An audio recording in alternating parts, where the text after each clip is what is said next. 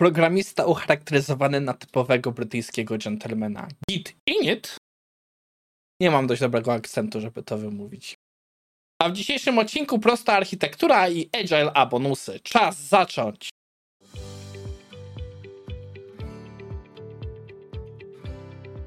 Cześć, nazywam się Maciej Wyrodek, a to jest IT Morning na 5 września 2023. I żeby nie przeciągać, w dzisiejszym odcinku zaczniemy sobie od bardzo brzydkiego artykułu. Jest to.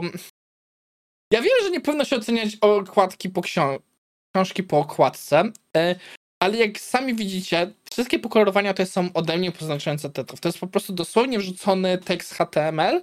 Jest to osoba, która w ogóle próbuje zarabiać na swoim pisaniu przez eksperyment z Patronie, bo nie chce się przynosić na Substacka. Przyznam się szczerze, nie powinienem oceniać, ale jakie. No, myślę, że chyba przydałoby się tutaj coś więcej. W każdym razie osoba też to nie jest byle kto, to jest Dan Lu. Możecie o nim nie słyszeć, ja też o nim nie słyszałem, ale jest to osoba, która się szczyci tym, że pracowała w Microsoftie, pracowała w Google, pracowała w Twitterze i z tego co kojarzę, jak patrzę na jej LinkedIna, wyszła z Twittera zanim Musk zrobił zwolnienia i to tak chyba dobre pół roku, rok. I obecnie pracuje w firmie, co się nazywa Wave. Co ciekawe, Wave'a nie ma na jego profilu LinkedInowym, ale zdjęcie to samo, co autor używa na Twitterze i tak dalej, więc podejrzewam, że to on. I Wave e, to jest aplikacja, która tak naprawdę jest trochę, bym powiedział, jak Revolut.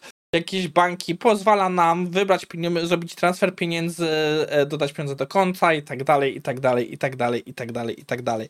Z tego co rozumiem, działa na razie na jakichś rynkach małych krajów, ale autor się szczyci tym, że mają tylko 70 inżynierów i mają nie dość, że dobre wyniki, to jeszcze mają bardzo prostą architekturę. Że oni piszą, że tak naprawdę z ich perspektywy architektura sprawdza się do krót, czyli create, read, update, delete i że tak naprawdę mają monolit w Pythonie napisane w Postgresie. I autor nie chce wgładować się w dyskusję na temat tego, że Python jest, e, że monolit jest złe, bo autor zaznacza wprost, że monolity mają swoje zastosowania i tak naprawdę to, co powinniśmy się szczeszyć, to jest prostą architekturą.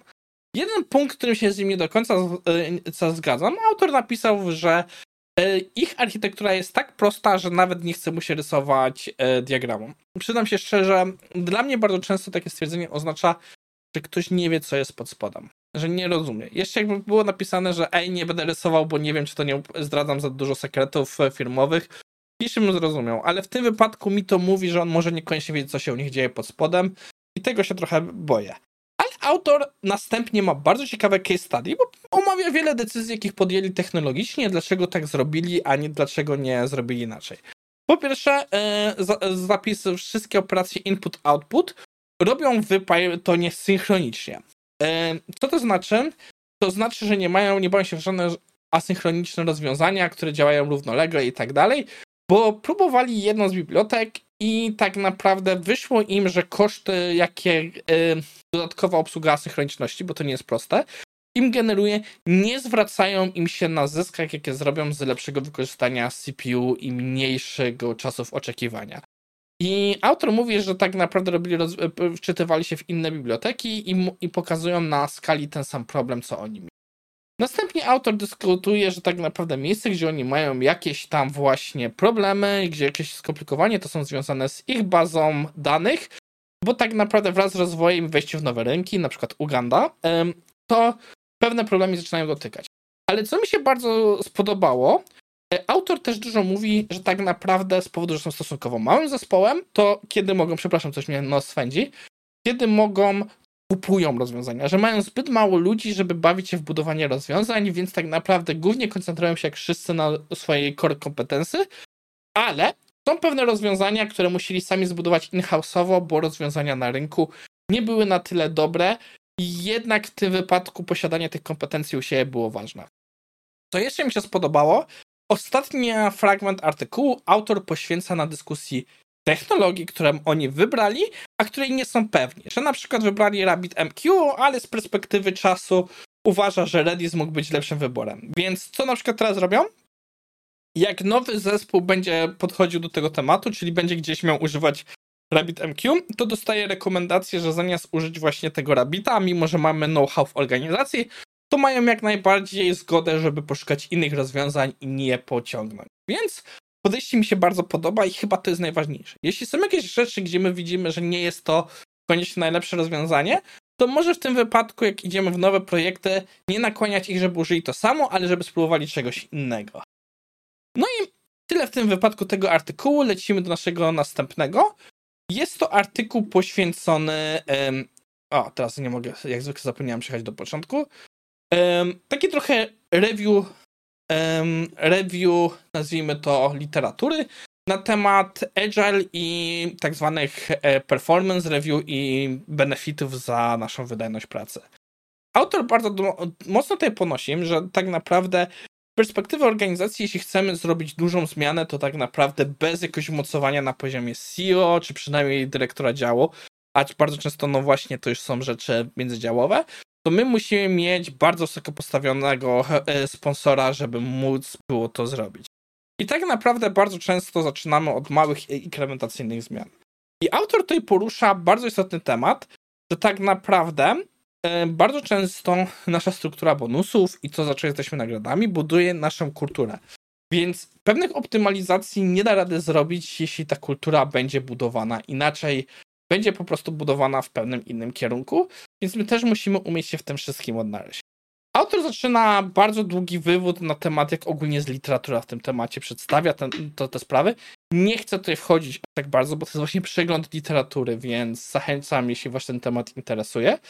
Ale autor dyskutuje, jak ważne są małe kroki, następnie rozmawia o motywacji, od tego właśnie jak Drive pokazuje nam, gdzie leży motywacja, jak na przykład pieniądze potrafią szkodzić. O czym właśnie też się odwołuje na e, książkę Alfiego Coena, Punished by Rewards, że właśnie to potrafi nam zaszkodzić. I takich tutaj właśnie e, różnych e, rzeczy jest dużo. Mi się bardzo zapadł cytat w głowę. If the people responsible for changing the system are...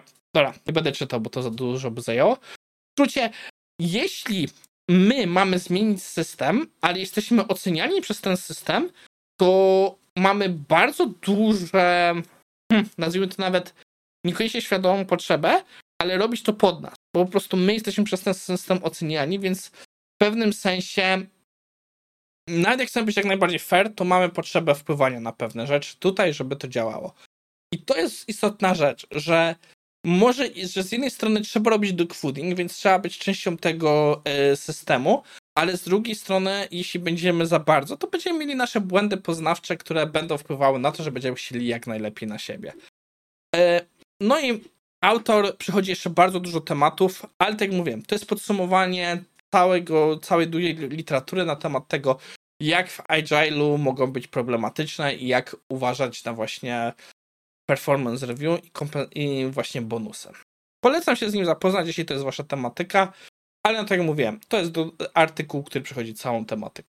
Podsumowując, w dzisiejszym odcinku zaczęliśmy sobie rozmowę o prostej architekturze, a później to, co Wrodek lubi najbardziej, czyli listy, a w tym wypadku wręcz podsumowanie całej dużej ilości literatury na temat bonusów i agile'a. To wszystko w dzisiejszym odcinku i widzimy się jutro. Jutro będzie odcinek na wyjeździe, więc będzie nagrywany kamerką z komórką. Ech, zawsze są wtedy problemy, więc mam nadzieję, że wybaczycie mi, jeśli coś pójdzie nie tak. To wszystko, do zobaczenia.